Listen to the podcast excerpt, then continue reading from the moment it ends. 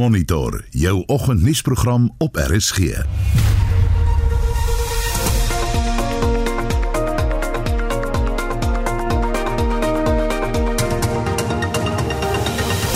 En volgens 'n monitor die moordenaar van Marike de Klerk wil op parol vrygelaat word. AMKU versoek dat die bestuurshoof van die Sibanya Stillwater Mynmaatskappy moet bedank.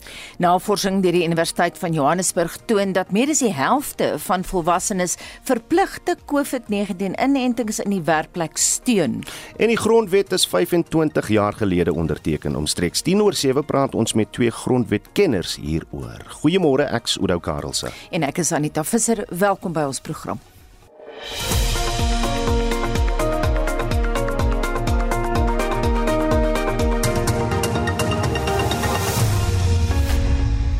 Jamie, wat sê die koerante?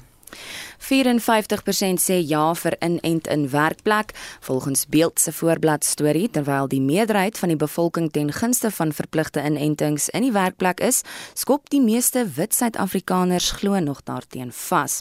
Die burgerberig vanoggend NVG het sy versuur op Gupta se myn. Die nasionale vervolgingsgesag het twee hofaansoeke ingedien teen die Gupta beheerde Optimum steenkoolmyn en verwante ondernemings. Die bates is opbrengs van misdaad, berig die burger. Landbou Weekblad berig oor misdaad wat buite beheer tol van tikverslaafdes in die Parel wat boere en werkers glo al jare tuister tot veediewe wat boere op die Lesotho grens straffeloos gijslaar hou. In ander nuus berig The Witness in KwaZulu-Natal SAPS in dire state. Lydens die berig is die polisie in die provinsie se hantering van geslagsgebaseerde en huishoudelike geweld kommerwekkend. Die die besonderhede is in 'n verslag deur die provinsiale departement van gemeenskapsveiligheid uiteengesit. Op die Herald se voorblad Seasons Beatings, die Nelson Mandela Bay Metro het versoek dat verskeie feesseisoen geleenthede uitgestel word, dis weens die toename in COVID-19 gevalle in die Oos-Kaap. En dan berig News24 op sy nuuswebblad dat die COVID-19 infeksiekoers onder kinders tussen 10 en 14 jaar oud begin toeneem. Volgens die Nasionale Instituut vir Oordraagbare Siektes het die ouderdomsgroep tydens die eerste week van Desember die meeste aantal infeksies aangeteken. En dit was Jo Marie Verhoef. Om uitgebrand te voel is 'n konstante gevoel van oorweldiging en dit volg na buitengewone en langdurige emosionele, fisiese en geestelike spanning. In baie baie gevalle is so gevoel gekoppel aan jou werk. Hoekom? nou goed, as ons dit lees. Dit kan ook gebeur as 'n siek of 'n familielid met spesiale behoeftes verpleeg moet word. Ons wil weet vanoggend, is jy uitgebrand? Het jy al so gevoel of is iemand na aan jou uitgebrand? Vertel ons daarvan, vertel van jou ervaring daarvan, hoe help jy so 'n persoon? Hoe help jy jouself? Wat stel die dokter voor? Stuur vir ons 'n SMS na 45889. Dit kos R1.50 of gaan na ons Monitor Spectrum Facebookblad of WhatsApp vir ons stemnota na 076 536 6961 076 536 6961 15 minute oor 6. Die moordenaar van die eerste vrou van wyle oud president F.W. de Klerk, Marike de Klerk, wil op parol vrygelaat word. Luyanda Boniswa het by die minister van korrektiewe dienste, Ronald Lamola, aansoek om parol gedoen. Hy het in die hoofdokumente aangevoer dat hy aan al die vereistes voldoen het vir parol en oor die hoof gesien is. Boniswa is in 2001 lewenslang tronk toegestuur vir die moord en roof met verswaarende omstandighede. Die dokumente is die week by die Hooggeregshof in Kaapstad ingedien met Betsy van der Merwe berig. Monbeniswa was 21 jaar oud toe hy die moord gepleeg het en het as 'n veiligheidswag by die Dolphin Beach woonstelkompleks in Tableview gewerk. Dis waar die 64-jarige Marika de Klerk na haar egskeiding gewoon het. Sy regsverteenwoordiger, advokaat Fikile Nkosi, sê hy het reeds 18 jaar tronkstraf uitgedien en is nie oorweeg vir parol nie. When you look at Mr. Mboni's profile, he, I think now it's been 18 years he's been in prison already. That means, by virtue of him attending to the parole at least three times, that means that he's already eligible for parole. But there seems to be reasons for further profiles and reasons that on previous sittings are not stated. Every time he appears for a parole board, there seems to be totally out of nowhere reasons that grants him a further profile. Nkosi sê haar kliënt is nog nooit aangekla of gedissiplineer in die tronk nie en kom ten volle gerehabiliteer voor. Sy glo dit sal volgens reg verkeerd wees as hy in die tronk bly. The prison recognizes that he is ought to be a beneficiary of the Act of 1959. However, they do not treat him as such. So they don't appreciate it enough to actually implement it when they are dealing with his profile. In their application and in making a decision, they've made an error in law in terms of which act to apply in making a decision in respect of his application. Um, so, as a result, then we are bringing an application to review 'n Datum is in Februarie in die Hooggeregshof in Kaapstad vasgestel vir die verhoor vir sy aansoek om parol. Die kantoor van minister Lamola sê dit sal in die hof reageer. Mbonwisa het 'n armhorlosie, twee flitsse en 'n selfoon gesteel. Marike de Klerk het veiligheidsbewaring deur die staat verloor nadat sy in 1998 van oud-president de Klerk na 'n huwelik van 39 jaar geskei is. Tandiswa Mawu het hierdie verslag saamgestel. Mitsi van der Merwe, SAK-nuus. Statistiek Suid-Afrika het gister verskeie ekonomiese aanwysers bekend gemaak. Die hoofekonoom by die Buro vir Ekonomiese Ondersoek op Stellenbosch, Hugo Pinaar, ontleed die data. So ons het 'n hele klompie datavrystellings van Statistiek Suid-Afrika gehad. En al hierdie syfers is vir die maand van Oktober. So dit groothandel verkoopsyfers gehad. Dit was onveranderd maand op maand in Oktober.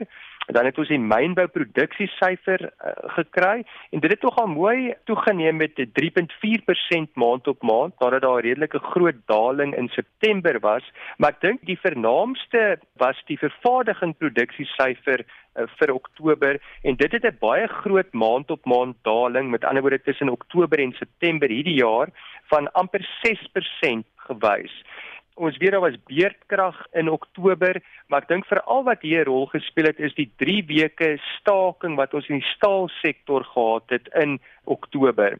En dan waarskynlik ook probleme met voertuigproduksie weens die globale verskaffingskanaal probleme. So daar was 'n klomp negativiteit in Oktober wat veral dan nou 'n uh, negatief vir die vervaardigingsbedryf was. Hoe gaan dit vorentoe lyk? Wat is jou voorspelling? Wel as mens nou kyk na Absa se aankope bestuur indeks wat vir ons half die eerste aanduiding gee van wat in die vervaardiging bedryf in November uh, gebeur het, uh, daai indeks het eintlik mooi kop opgetel en dis nou ondanks verdere beerdkrag in November, maar ek dink die feit dat ons nou nie weer 'n staking gehad het in November nie, het daai indeks gehelp en ek vermoed dit gaan die werklike vervaardiging produksie syfer ook help dat hy mooi terug herstel in November. Wat is jou verwagtinge vir die ekonomie volgende jaar?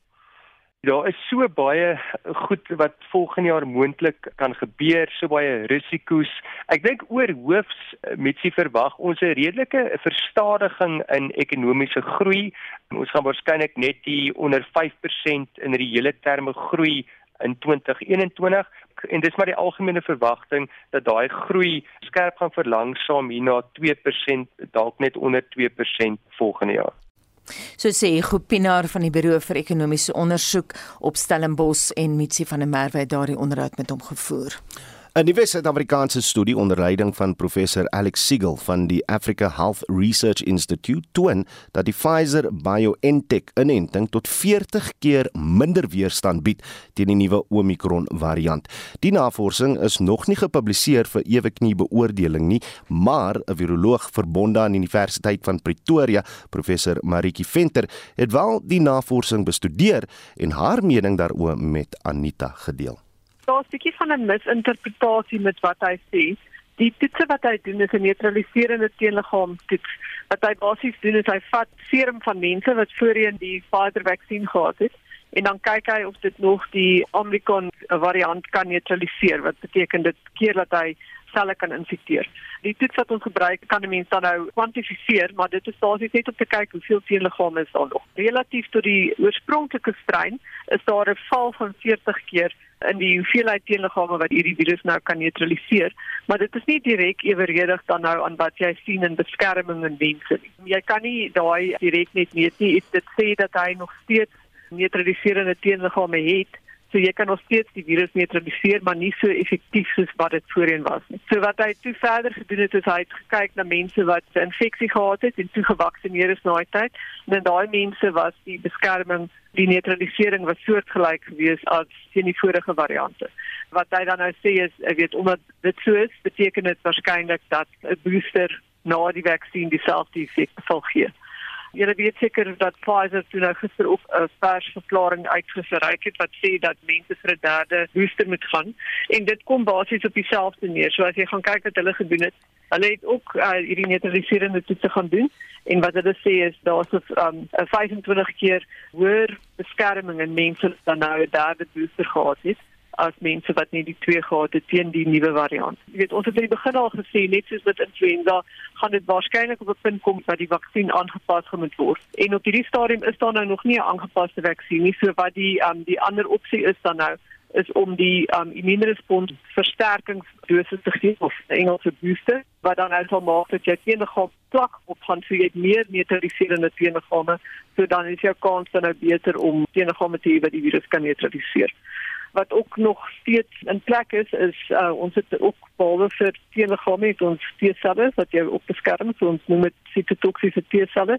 Hulle kyk na um, jou geïnfekteerde selle en en maak daai selle dood. So as hulle die virus sien dan vernietig hulle basies die virus. En daai selle of daai um, areas wat hierdie T-selle erken op die virus is baie konstant. So dit het nie verander nie. So daar's nog steeds 'n 80% T-sel ooreenkoms as met met die vorige variante. Die kans is daar dat jy geïnfekteer kan word omdat jy teenliggame laer is, maar jy gaan nog steeds goeie T-sel respons hê en 'n swakker maar teenwoordige neutraliserende teenliggame respons, so jy gaan nie ernstig siek word nie. So dit volk dit neerkom. So ons sien wel dat daar meer wat mense is wat die vaksin gehad het wat geïnfekteer word, maar die meeste van hulle het baie ligte simptome. En as jy gaan kyk vanoggend het die NICD of gister het hulle hulle data bekend gemaak vir hospitaal surveillance. Spesifiek dan nou in die Tshwane area wat ons weet op hierdie stadium hoofsaaklik net Omicron is. Daar's nie um enige van die ander variante meer teenwoordig nie. En basies daar is die mense wat gehospitaliseer is en wat ernstige siekte het, is dan nou basies net ongevaksinerde mense. So jy kan gaan kyk dan na die vaksiendekking van die populasie en van die verskillende ouderdomsgroepe en dit loop dan nou presies saam met dit. So ouer mense is nou meer beskerm, daar's meer van hulle wat gevaksinere is, so daar's minder as wat voorheen in die hospitaal was, maar die mense wat ongevaksinere is van die ouer ouderdomsgroep het dan nou nog steeds weet 'n baie hoër risiko. Maar daar's ook op hierdie stadium nou vir die eerste keer sien ons dat jong kinders dan nou ook meer gehospitaliseer word wat anderster is as in die vorige weet golwe en dit is sinne dat weet hulle is nie gevaksinereer nie. So dit kan basies uh, kombinasie wees van die populasiegroep wat nie gevaksinereer is nie, maar ook dan nou dat miskien net hierdie variant 'n ander effek op die ouderdomsgroep wat nou nog gekwantifiseer moet word. Dit is nog maar baie vroeg in die in die uitbraak. Ek wil nou juist vir jou vra, hoeveel opvolgnavorsing moet nog gedoen word voordat hierdie huidige studie as gefundeer beskou kan word? die studie wat hy gedoen het is dis 'n basiese virologie eksperiment. So weet wat hy daar gewys het vir die Pfizer vaksin is waar en dieselfde wat Pfizer vir hulle eie vaksin gewys het is waar. Ons weet reeds met die vorige variant het ons gesien dat die um, immuunrespons afneem na 6 maande. Mense het nog steeds 'n goeie beskerming. Dit is hoekom uh, weet die uh, hulle nog steeds eerder die hele populasiegroep ingeënt het met ten minste 2 dosisse voordat hulle gekyk het na boosters. Maar omdat die Amerikaners uitgekom het en dit duidelik is dat daar val is in die effektiwiteit van die vaksin vir infeksies. Het SAPRA dan basies gaan aanbeveel dat ons dit booster kry. Mm -hmm. So dit is 'n baie goeie ding. Dit is nie regtig iets wat 'n groot verrassing is vir ons nie. Ons het in elk geval geweet dat mense gaan boosters moet kry, maar omdat daar nuwe variant is, is dit nou tyd om dit te doen. En daai tydperk moet 6 maande wees, nê? Nee. Dit kan nie korter wees nie. Nee nee, op hierdie stadium kan dit korter wees omdat maar dis as gevolg van die nuwe variant. Dis hoekom Pfizer basies in hulle persverklaring nie sê hoe lank jy moet wag nie. Hulle sê net 'n derde dosis gaan dit hmm. sterker maak. As jy jou vorige twee gehad het, jy moet nog steeds jou 28 dae wag voordat jy die jy weet die volgende een kan kry. Dit help nie jy gaan na 2 weke nie. Dit dit gaan dan nie as jy 'n goeie respons gee nie. Maar jy hoef nie 6 maande te wag nie. Mm Wat van Johnson and Johnson? So op hierdie stadium is daai um data is nog nie beskikbaar vir Johnson Johnson. So soos jy weet is die tweede Sesanqui trial is nou aan die gang en hulle sal basies eers nadat hulle die inligting het uit daai trial hierdie aanbevelings maak. Maritjie as 'n wetenskaplike, hoe lank gaan dit neem voordat ons 'n nuwe inenting kan skep wat bestand gaan wees teen Omicron? Um so die nuwe tegnologie wat gebruik is met Pfizer en selfs met Johnson & Johnson is baie makliker om op te dateer as die ou vaksines. Dis basies 'n sinteties gemaakte stukkie van die um geen kan hulle dit nou vinnig net verander met die nuwe sekwens van Omicron. So dit is maklik om dit op te dateer, maar dit gaan nie net oor die opdatering nie, dit gaan ook oor die uh, produksie dat daar genoeg moet wees om dan nou te versprei internasionaal as 'n nuwe vaksin. Ek het gesien op hulle um persverklaring sê hulle basies teen Maart volgende jaar. So op hierdie stadium is die enigste opsie regtig om te gaan vir 'n booster nou. Dit sal jou goeie beskerming gee. So dit ek sou ook aanbeveel dat jy sou gaan. Maar ek dink jy ons gaan die toekoms in met miskien 'n jaarlikse inenting. Is dit wat die toekoms vir ons inhou? Ek dink dit sal waarskynlik so wees. Ons doen dit reeds vir influenza, so dit is nie so vreemd vir my nie. Jy weet as jy diere het en jy dit vir baie diere. Um het gevra my perde. Ons mm. ons perde elke jaar in en teen Afrika perde siekte en ons gee twee keer per jaar die influenza vaksin vir perde. Weet ons is maar net nie so gewoond daaraan nie maar as jy elke jaar vir die griepinspuiting gegaan het jy gaan nie van nou waarskynlik maar net elke jaar vir 'n COVID-19 vaksin op moet gaan Maar ongelukkig vir ander virusse, veral respiratoriese virusse, so ons sal maar moet opdateer om by te bly of weet boosters kry om ons immuunrespons te versterk. Julle is nou internasionaal lof toe geswaai deur die WGO, deur van julle kollegas, deur politici wêreldwyd.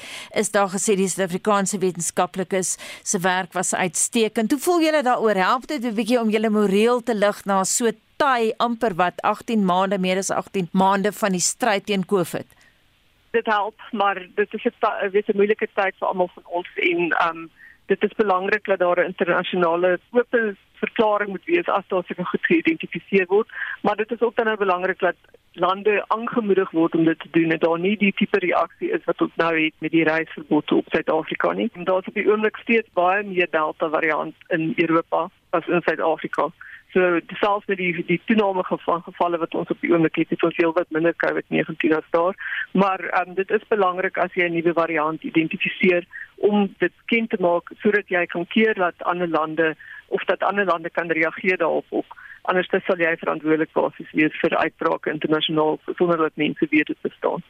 Dit dan professor Maritjie Venter, hoof van die Universiteit van Pretoria se respiratoriese virusnavorsingsprogram. Jy luister na Monitor elke weekoggend tussen 6 en 8. Presies 6:30 in die nuus. Die grondwet is vandag 25 jaar gelede onderteken deur oud-president Nelson Mandela. Adjunkt president David Mabuza het tydens 'n vraag en antwoord sessie in die nasionale vergadering gesê dat meer as 82000 grondeise tot dusver afgehandel is. En die moordenaar van Marike de Klerk wil op parol vrygelaat word. Bly by Monitor.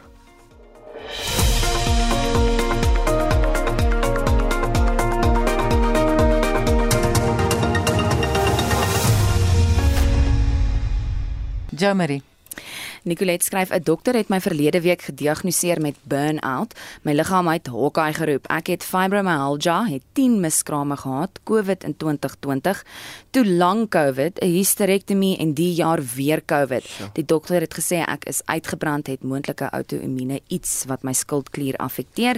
Alhoewel ek nie gaan toets het nie, weet ek ek het COVID. Die simptome is daar, sê sy. En dan is daar reeds baie terugvoer op die WhatsApp lyn.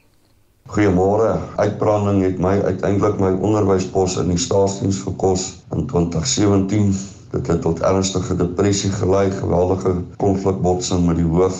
Ehm um, werkprestasie was nie na wense nie en dit is 'n baie ernstige toestand as dit toegelaat word om te ontwikkel en te ontaard in iets ernstiger soos depressie byvoorbeeld. Sterkte aan almal wat onder geweldige stresvolle omstandighede moet werk. Goeiemôre RSG span. Die uitbranding is 'n verskriklike ding. Ek het in 2016 borskanker gekry uh, uit die aard van die saak. Dit was baie ons kon dit vreeslik wonderlik oplos met vier operasies uh, 4 tot 6 weke af um, doen self julle som niemand het soveel verlof nie en my skoolhoof in 'n skool in Pretoria Noord het my geviktimiseer omdat ek so lank weg was. Geen simpatie met my siekte toestand nie en tot vandag toe word ek geboelie daaroor. Ek het angsaanvalle gekry dat ek nie my siekte sertifikate by die skool kan ingee. Eintlik doen jy dit aan jouself, maar jy is so laag en jy is so vol emosies. Julle, dis 'n erge ding. Kry raad en gaan vir sielkundige behandeling. Nou ja, Laurie skryf dit gebeur met meeste van ons een of ander tyd. Vat 'n behoorlike breek weg van jou normale rotine en rus goed. Doen iets heeltemal anders. Vat die pad, kom uit in die natuur, besoek ou vriende en kuier lekker. Vat 'n breek van familie, skryf Laurie. Dis die verkeerde tyd om groot besluite te neem. Kom weg van die skerms af wat ons so besig hou. Kry sta, uh, kry strawwe oefening in, gaan ry perd of gaan vir 'n massering, skryf Laurie Grywenstein. Praat vanoggend saam, jy kan 'n SMS stuur na 458 0891104589 dit kos jou R1.50 jy kan ook gaan saampraat op ons Monitor en Spectrum Facebookblad of jy kan 'n stemnota stuur na 0765366961 Kom ons bly nou by uitbranding en dit is byna Kersfees en teen die tyd begin mense voel dat die jaar lank is. Boonop beleef ons nog steeds die COVID-19 pandemie sedert Maart uh verlede jaar wat nou middevlag 4 is met 'n nuwe variant Omicron. Die vraag is of daar 'n verskil is om bloot moeg te voel omdat die jaar op sy lig 'n rig lê en of daar so 'n toestand is soos kroniese uitputting of om totaal uitgebrand te wees. Ons praat hieroor met 'n kliniese sielkundige wat verbonde is in die Noordwes Universiteit se Instituut vir Sielkunde en Welstand, professor Pieter Kreer. Prof, môre, welkom by Monitor. Wat is die verskil tussen om net moeg te voel en om uitgebrand te wees? Môre Udo en Anita, baie dankie. En ehm um, dis 'n uitstekende vraag wat ons baie kry hierdie tyd van die jaar. Ek dink in kort die verskil tussen moegheid en uitbranding is. Moegheid is iets wat rus voor gaan help. Dit is meer amper fisies in jou lyf wat jy dit voel. Waar die oomblik as ons by uitbranding kom praat ons amper van 'n uh, emosionele versadigingspunt wat mense bereik waar jy totaal en al oorbelaai voel. Dis amper 'n kroniese emosionele moegheid wat jy ervaar hmm. en jy sal vind dat slaap of 'n klein bietjie rus ongelukkig nie voel dat dit daarvoor help nie en dis dis baie meer ehm um, aanhoudend en ek dink die impak daarvan is baie groter as om net moeg te wees. Hierdie verskil ook dan van uitputtingssindroom, is ek reg? Ja, so maar mense gebruik die term wisselvallig met uitbranding uitbrandingssindroom. Hmm. Ons moet wel onderskei tussen stres en uitbranding want as jy gaan kyk na wat stres is wat ons almal het en stres kan goed of sleg wees, dis baie meer daai emosionele stremming wat jy kry wat kom uit uitdagende omstandighede en druk soos jy, jy werk teen tydlyne of 'n hoë werkslading of of moeilike mense. Uitbranding van hy stap verder waar dis amper die emosionele uitputting wat jy kry as gevolg van volgehoue langtermyn blootstelling aan stres en daar's nooit ehm um, eintlik 'n breek tussenin nie. So is eintlik ehm um, gelyklopende strome van stres sonder dat jy ooit 'n einde in sig sien. En en dis wanneer stres wat baie keer goed kan wees om ons te help om by werk uit te kom ongelukkig en uitbranding kan oorskakel. Wie ek ek's 'n vryskut werker en ek stres as ek te veel werk, ek stres as daar nie werk is, jy kan 'n mens net uitgebrand wees as gevolg van 'n werk. Ek kan kyk die die stres wat jy beskryf, ehm um, is baie keer nie 'n slegte ding nie want om 'n bietjie gestres te voel beteken ook weet jy maak ander planne en jy jy soek iets om te doen. Maar as jy as jy kronies in daai uh, situasie bly, dan voel jy dat dit dit begin 'n groter tol te hê. Die probleem in 'n werksomgewing of werksverwant is en dit hang af waar jy jouself bevind, maar daar's interessante modelle wat dit beskryf. Dit gaan baie oor jou werkseise, hm. so weet hoe emosioneel moeilik dit is, fisies wat vir jou verwag word in lading, maar dit gaan ook oor die hulpbronne tot jou beskikking. So weet hoe lyk jou infrastruktuur, toerusting, verhoudinge met met ehm um, werkgewers, rolduidelikheid, uh vergoeding, mis, miskien goed selfs soos groei moontlikhede.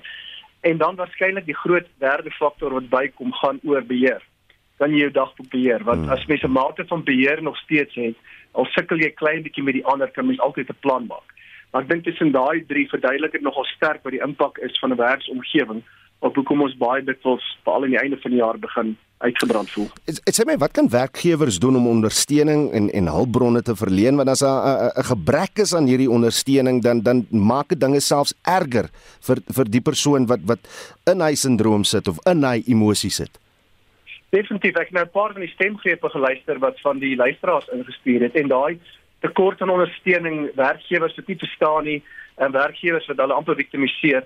So om 'n omgewing te skep waar daar sielkundige veiligheid, psigologiese veiligheid is wat wat hulle verstaan baie keer hierdie is 'n regte ding. Mense ervaar dit en eerder as om druk op hulle verder te sit om te sien en te vra hoe kan mens help.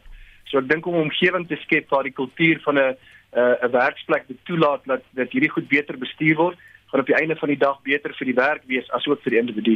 Hoe diagnoseer die die medisy dit en en watse behandeling bestaan daar vir uitputtingssindroom en dan ook die, die uitbranding waarvan ons nou gepraat het? Die die uitbranding en uitputtingssindroom is teoreties nog nie 'n uh, 'n uh, algemeen erkende diagnose nie, maar die Wêreldgesondheidsorganisasie het verlede jaar dit as 'n diagnose erken. So dis baie keer die voorloper van goed soos depressie en stres.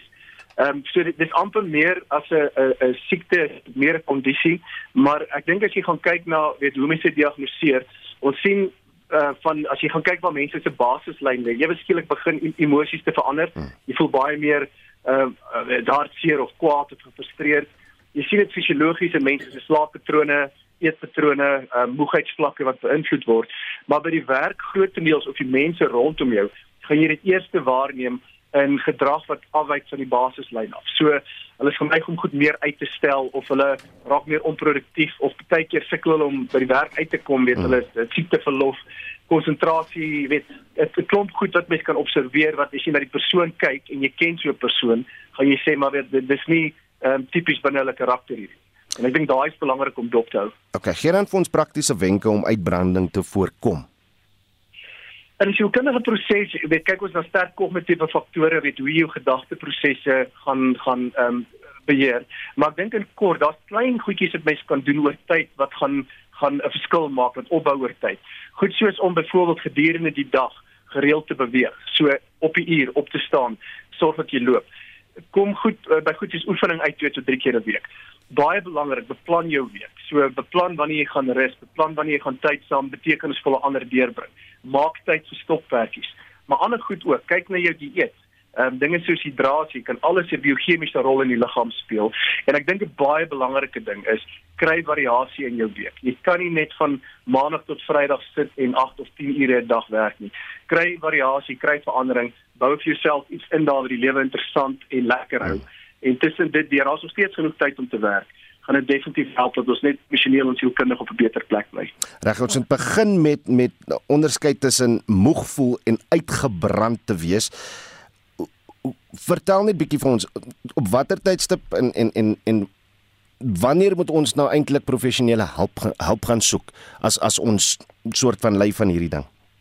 Ja, daar's 'n baie mooi ehm um, uh akroniem wat ons gebruik om om mense te help om dit te bepaal. Nou ons is nou maar geleen by hoe hulle in Engels die die ehm um, uh sunscreen ehm um, uh, wat is dit jy weet wie sê hulle die SPF factor hmm, en die hmm. sun protection factor ons gebruik daai in sielkunde ook waar SPF staan vir severity frequency ehm um, en die persistence so dit gaan oor hoe intens is die die simptome wat jy ervaar hoe lank bly dit voor en hoe gereeld kom dit terug so as jy vir 2 of 3 weke aan een totaal en al konstant laag in gemoed is, energie is nie daar nie, jy kan nie slaap nie, is dit gewoonlik 'n tydperk wat jy moet sê hierdie is nie net 'n slegte week nie.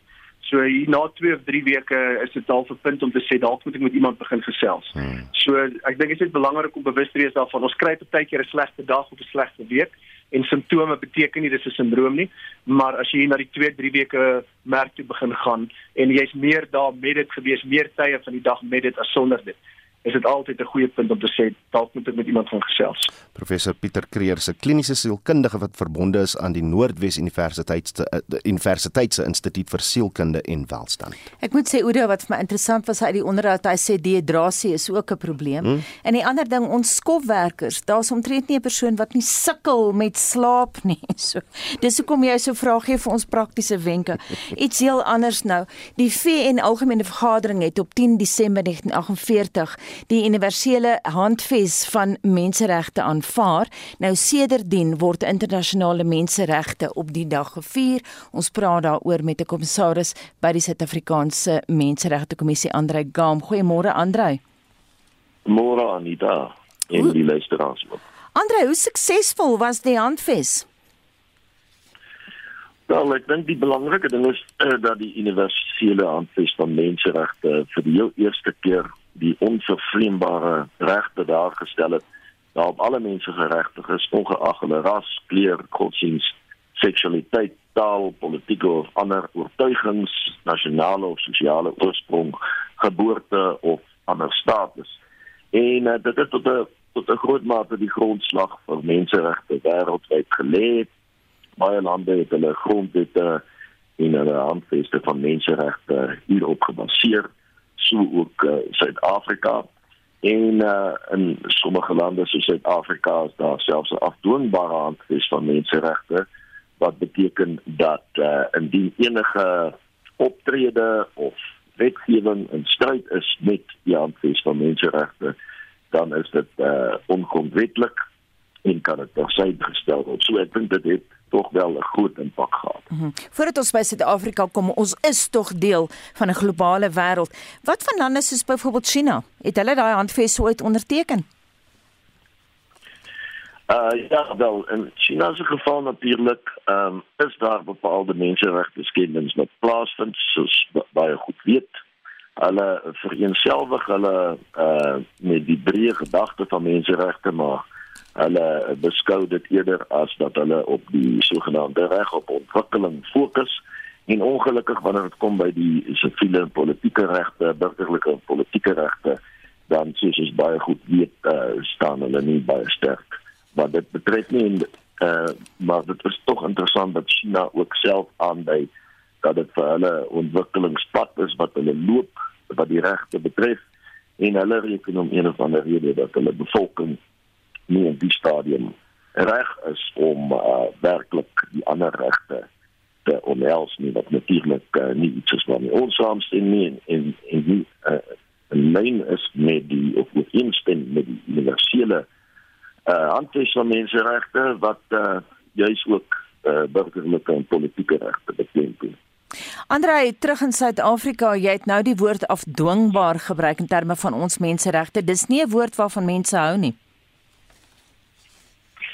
Ja, wel, dit is juist mense beskerm die feit dat die regte afbaar is. Baie keer as dit eerder die regering wat in sommige gevalle nie so by daarvan hou nie of omdat dit veral ook die regering se optrede uh in wetgewing wat van die parlement afkom is wat uh getoets word aan die hand van menseregte maar dit is natuurlik ook van van toepassing in sommige gevalle soos dit ingesit in die handves op um, die op private persone ook so uh, in sommige gevalle ons kry dit baie ook met die aardspraak uh, voorvalle wat ons elke nou en dan ongelukkig teekom waar individue dan hof toe gevat word en hulle daarvan dat hulle hulle aan aardspraak skuldig maak wat nie beskerm word deur die vryheid van uitdrukking klousule in die handvesting.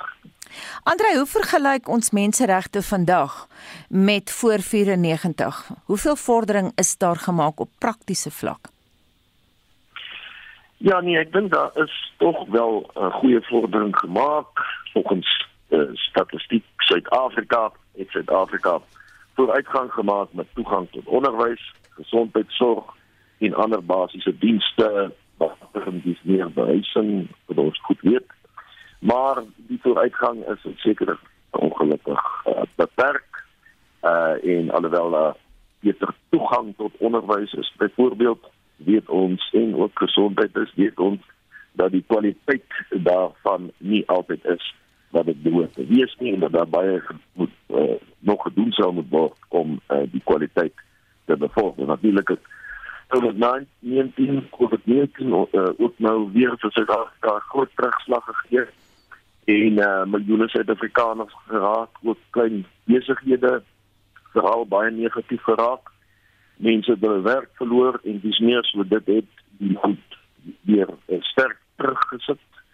Uh die nasionale ontwikkelingsplan is juis gesien as die uh kern leidsinstrument om armoede uit te wis en ongelykheid te verminder maar die kans word nou heroorweeg op die lig van COVID-19. Uh -huh. So dat ja, daar was 'n uh, vooruitgang gewees ook ook terugslag ongelukkig.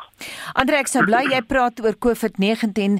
Daar is uh, onder ons luisteraars teenstand uh, van hulle wil glad niks weet van die inenting nie. Waar kom burgerregte hier ter sprake? Die regering praat nou van moontlike verpligte inenting. Ons sien dit by talle universiteite. Ons begin dit nou in die werksplek sien. Wat is jou regte as burger, jou menseregte? Ja, dit is natuurlik 'n baie kontroversiële kwessie en ek dink die regering se benadering van die begin af was om om dit eerder uh om die indenstede aan te moedig as om dit af te dwing. Uh wat mense nou sien is egter 'n verandering uh, in terme daarvan en die lig van dat daar so baie Suid-Afrikaners is wat uh, wat blyk met nie ingeënt wil word nie wat die rede ook al. Ons benadering by die Menseregte Kommissie is ook om in die eerste instansie dit baie sterk aan te moedig dat mense ingeënt word en aan die baie groot gesondheidsvoordele daaraan ver, verbonde en ook om die ehm um, om ons gesondheidstelsel te beskerm en dis meer. So dit is ons uitgangspunt. Uh, daar is ook uiteraard eh uh, boer daar uitsonderings te wees selfs al is daar sogenaamde data vir mense wat byvoorbeeld ehm uh, mediese redes kan aanvoer hulle nie ingeënt word nie. Maar ons moet ook onthou dat die regte in ons hand hand eh uh, menseregte handves wel beperk kan word die regte is nie onbeperk nie hmm. en die regte word daagliks beperk ook deur die howe om ander regte te beskerm. Maar dit moet gedoen word aan die hand van artikel 36 van die grondwet, die sogenaamde beperkingsklausule en in terme soos soos wat die beperkingsklausule voorskryf van 'n algemeen geldende regsvoorskrif. Uh in in die Engels daarvan is a law of general application. Uh so inentingsmandate kan uh, na ons mening heel moontlik wel uh, geregverdig word in die lig van die legitieme oogmerke wat dit sal bevorder, byvoorbeeld die beskerming van die gesondheidsstelsel, die voorkoming van die oordrag van virus, die beskerming van mense teen ernstige siekte en dood. Maar dit dan sal alles afhang van die betalings van die algemene regsvoorskrif. Aha. En uh, die oomblik byvoorbeeld het ons uh het ons 'n direktief wat uitgereik is met betrekking tot werkplekke en so aan, maar dit laat tot 'n baie groot mate die diskresie oor hmm. aan die werkplek self wat wat weer lei tot een werkplek waar dit daar kan 'n uh, mondelik sertifikate hmm. en in die sertifikate vereis sal word en aan een nie. Aha. So um, ons is uh, ongemaklik op die oomblik met daardie voorskrif ons is nie seker of dit voldoen aan die grondwet nie maar in in beginsel dink eh uh, uh, die kommissie die MRK dat ehm uh, afhangende van die inhoud van die algemene regsvoorskrif algemeen geldende regsvoorskrif dit wel moontlik sou kon wees want uh, alhoewel artikel 12 van die grondwet uh, die Engels is die uh, uh -huh. security of the person uh in die gedrang kom en met ander woorde beperk sal moet word uh wil dit sal dit 10 10 in dan juist beperk word en einde mense se reg op 'n gesonde en veilige omgewing te beskerm. Baie dankie Andre, ons sal daar vir jou moed kort knip. Andre Gaume, kommissaris van die Suid-Afrikaanse Menseregte Kommissie.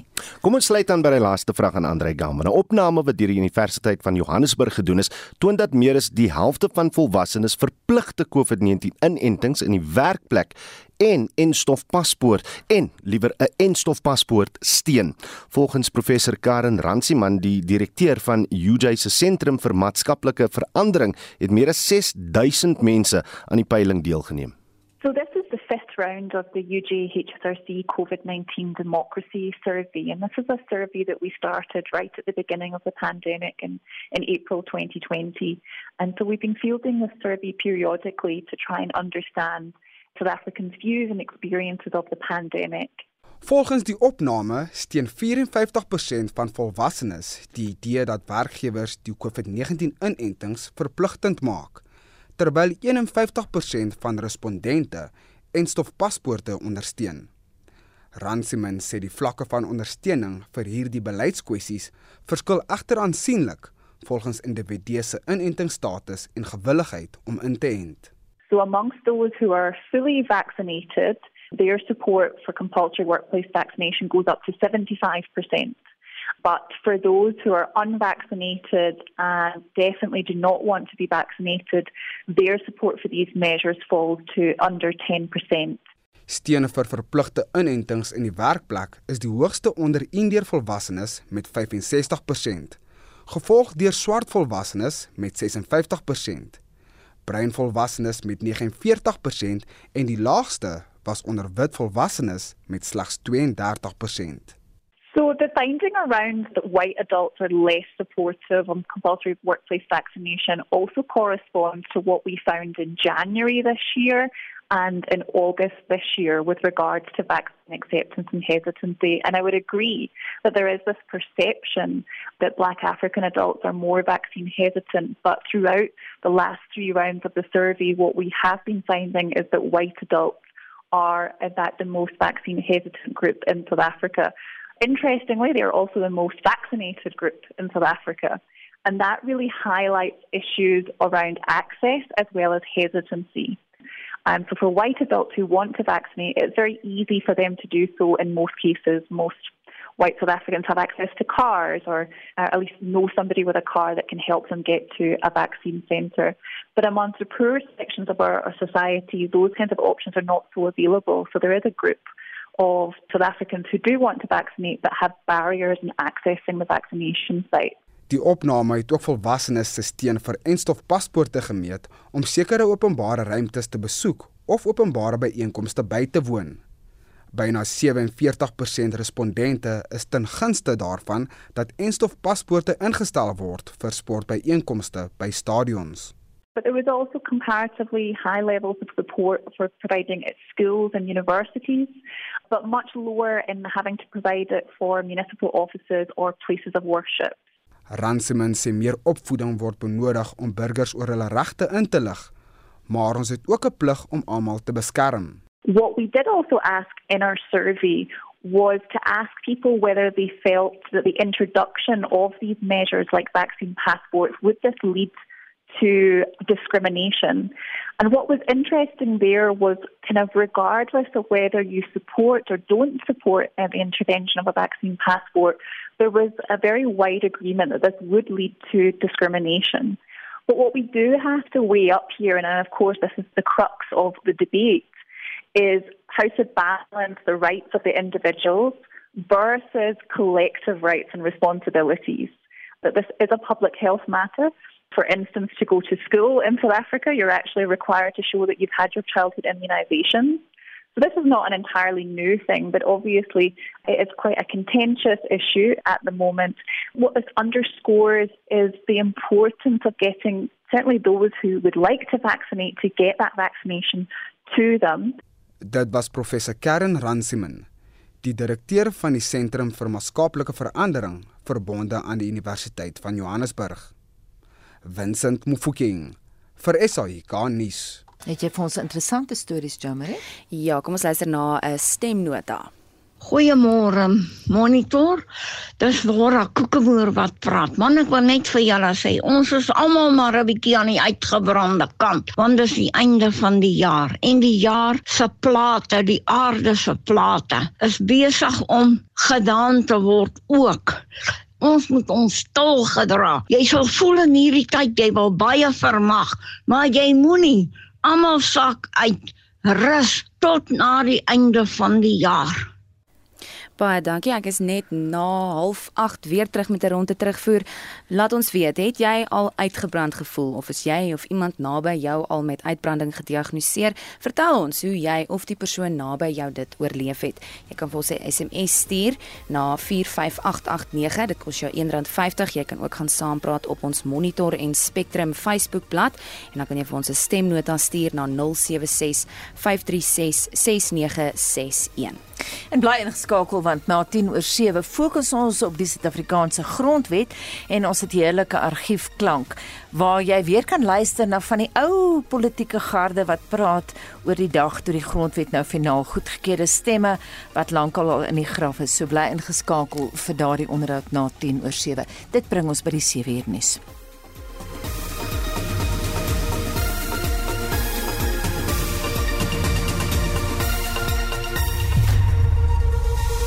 SAK nuus. Onafhanklik, onpartydig.